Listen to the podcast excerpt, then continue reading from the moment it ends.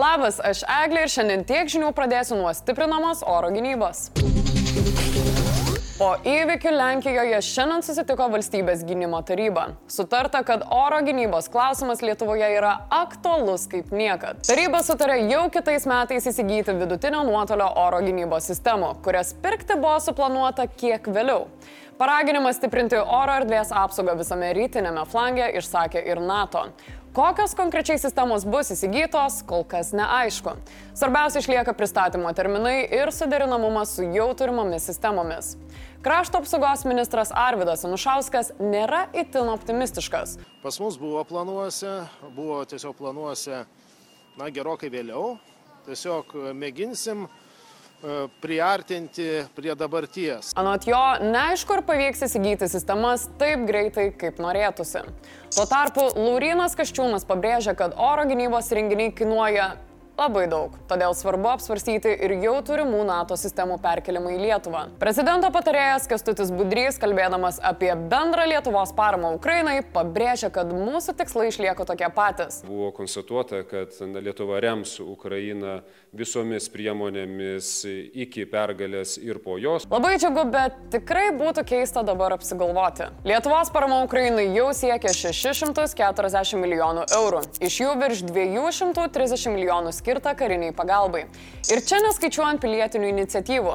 Pavyzdžiui, dabar pervedė PIS flotiliai irgi galite paremti Ukrainą. O jau iš valstybės biudžeto šiuo metu planuojama skirti papildomos artilerijos amunicijos. Tiesa, konkrečių atsakymų trūksta, kaip ir klausimai, kodėl negalima perduoti Ukrainai haubicų ir oro gynybos sistemų NASAMS, taip pat lieka už uždarų durų ir su ženkliuku slapta informacija. Vertindama pasirodžiusią informaciją apie galimas provokacijas Astravo atominėje elektrinėje ir kitose Baltarusijos infrastruktūros objektuose, taryba išliko santuri. Lietuva šiuo metu neturi informacijos apie Baltarusijos teritoriją, rengiamas kažkurios tai pusės, ar tai būtų, ar tai būtų iš pa- pačių pačioj Baltarusijoje esantis, ar o ypač kas tokiu atveju būtų labiau tikėtina Rusijos a, tarnybų rengiamas provokacijas. Pabrėžta, kad informacija yra ir bus vertinama tikrai rimtai. Dabar svarbiausia išlikti budriems. Tai džiugu, kad taryboje yra žmogus pavardė Budrys. Teroristinė valstybė Rusija ir toliau apšaudo tik karinius objektus, kurie aišku klastingai slepiasi gyvenamuosiuose namuose. Jie smūgiavo išlaisvintam Harkivui, daugiabučio gyventojai atsidūrė po griuvėsiais, apšaudama dar šviežiau išvaduota Hirsono sritis. Ginkluotė aktyviai perdodama ne tik Ukrainai. Vokietija pasiūlė Lenkijai perduoti prieš lėktuvinių raketų Patriot. Lenkija siūlė šias raketų sistemas statyti pasienyje su Ukraina. Taip pat į komplektą siūlomi naikintuvai Eurofighter, o kalėdos net neprasidėjo. Tuo tarpu Rusija ginkluotės vis daugiau praranda. Nuo plataus masto invazijos pradžios neteko pusantro tūkstančio tankų, dalį ukrainiečiai perėmė ir naudoja patys, 700 šarvuotų kovos mašinų ir daugiau nei pusantro tūkstančio pėstininkų kovos mašinų. Rusija tikrai vykdo demilitarizaciją, tik savo kariuomenės. Aišku, neteko ir netoli 5000 raketų. Būtent tiek raketų, pasak Volodymyro Zelenskio, buvo paleista į Ukrainą. O Ukrainoje krentančių raketų pasiekmes rimtos. Ukrainoje įmanomas visiškas elektros energijos tiekimo išjungimas. Teigiama, kad elektros nebuvimas kurį laiką neturėtų būti laikomas pasaulio pabaiga. Okupantai toliau kankino ukrainiečius. Kas galėjo pagalvoti? Miesto meras teigia, jog rašistai į Melitopolio kankinimų stovyklas atveža naujai mobilizuotus gyvulius, kad išmokytų juos mušti civilius. Vietos gyventojų kankinimai apskritai stiprėja, kai kurie kankinimų kamerose laikomi jau 8 mėnesius. Kad kankinimai galėtų tęstis, Putinas vasarį planuoja pririnkti dar daugiau karo nusikaltelių, skeldamas visuotinę mobilizaciją. Apie tai bent jau praneša karo ekspertas Olegas Ždanovas. O žinot, kas pasak dviejų durnelių Putino ir Peskovo neturėtų įvykti specialiosios operacijos metu? Ukrainos valdžios pakeitimas. Peskovas teigia, kad Rusija nori denacifikuoti ir demilitarizuoti Ukrainą, bet nenuversti jos valdžią. Aš žinokit, net nedėsiu pastangų, kad pašiepčiau ar pasityčiočiau iš jų, nes jei jie nededa pastangų meluodami, kodėl mes turėtume stengtis. Aš pasipuošusi būnu Dažniausiai, o štai kita eglė tik kartą per metus. Kalbu apie sostinės eglutę.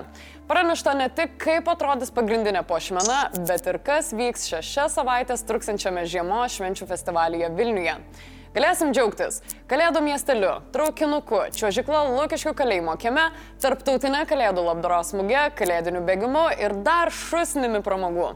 Nors kalėdinis festivalis mieste bus kuklesnis, jis tikrai nebus mažiau šventinis.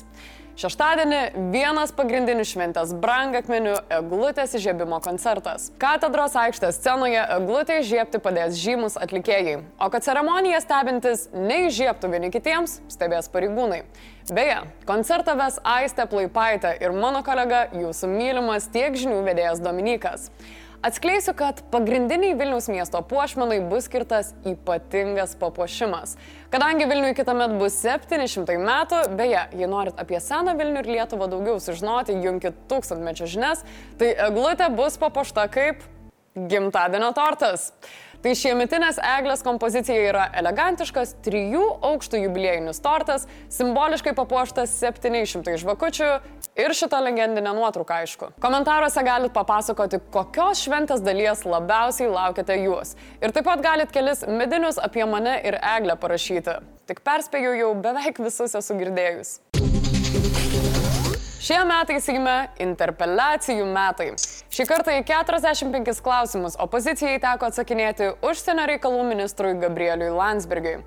Aišku, jam kiek lengviau nei iki tol besiaiškinusiems jo kolegoms. Jis visada gali tiesiog sakyti, tai valstybės paslaptis. Noriu ir aš tokį pasiaiškinimą turėti. Daugiausiai klausimų apie Ukrainą ir piktus kaimynus iš rytų.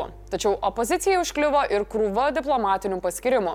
Aiškintis teko ir dėl buvusio viceministro Pranskevičiaus paskirimo į ambasadorius prie ES, kreivę žmonos Italijoje bei pakeistų diplomatinio paskirimo taisyklių. Atsakymus galima susumuoti į tai. Su visais buvo kalbėta, su visais buvo tartasi, jeigu nepavyko kažko sutarti, ne mūsų kaltė. Aha, užsirašysiu iš to irgi ateičiai. Opozicijai svarbus ir Kinijos bei Taivano klausimas. Praėjus beveik metams po Taivano ambasados atidarimo matomi skaudus rezultatai verslui. Eksportas į Kiniją susitraukė beveik tris kartus. O aiškinimasis pasaulio prekybos organizacijoje kol kas net nešė jokių vaisių. Ar čia labiau reikėtų sakyti, neeksportavo jokių vaisių? Čia Landsbergis pakartojo, santykiai su Taivanu duoda daugiau ekonominės naudos nei sugedę santykiai su Kinija. Na ir kaipgi be Kaliningrado tranzito. Atsakydamas ministras pasidalijo, dar negirdėta informacija, kad Rusija nuolat užsijama dezinformacijos atakomis ir propaganda prieš Lietuvą ir pasiūlė sprendimą - būti labiau kritiškiams informacijos atrankoje. Čia galiu tik paantrinti ministrui. Atidžiai skaitykite, kas ir kokia informacija dalinasi. O jei norite tikrai patikimų žinių, prenumeruokite Laisvės TV. Tiesa, opozicija nėra labai patenkinta Gabrieliaus atsakymais. Štai Saulis Kvernelis juos vadina itin skurdžiais, bei mano, kad tikrosios tiesos niekada nesužinosime.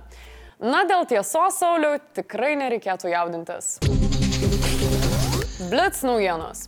Specialiųjų tyrimų tarnyba paskelbė atliekanti iki teisminį tyrimą dėl įtariamos korupcijos valstybinėje maisto ir veterinarijos tarnyboje. Tarp įtariamųjų įstaigos vadovas Mantas Taškevičius. Jis sulaikytas. Tarnybos atstovai galimai vykdami su kitais asmenimis reikalaudavo kyšių iš verslo subjektų. Per žemės drebėjimą supurčiusi Indonezijos Javo salą žuvo mažiausiai 56 ir buvo sužeista dar mažiausiai 700 žmonių. 5,6 balo žemės drebėjimas įvyko šalia Šendžūro miesto vakarų Javoje.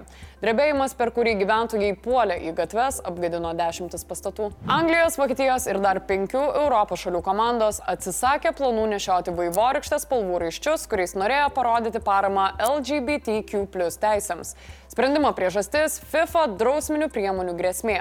Pagal FIFA taisyklės žaidėjams dėvintiems pasaulio futbolo valdančios organizacijos nepatvirtintą aprangą gali būti parodyta geltona kortelė.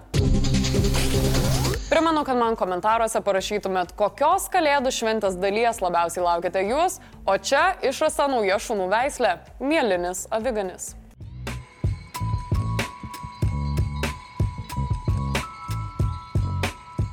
Komentarų metas. Po praėjusiamis žiniomis vartotojas EV29 parašė, jog Timūras šią laidą turi vesti dar mažiausiai 40 metų. Man atrodo, po 20 metų mes jau patį Timūrą turėsim vesti. Jis mano antras mėgstamiausias senelis. Po kalėdų, aišku. O Romanas teisingai atspėjo, dėl ko rusų ginkluotojų pajėgų vadas Gerasimovas neatsiliepė į kolegos iš JAV skambutį. Gerasimovui buvo pizdėts, kad pizdėts ištiktų visas Rusijos jūrų pajėgas, o ne tik Gerasimovą, nepamirškite aukoti. Nuo šiandien tiek žinių pasimatysime ryt. Čiau!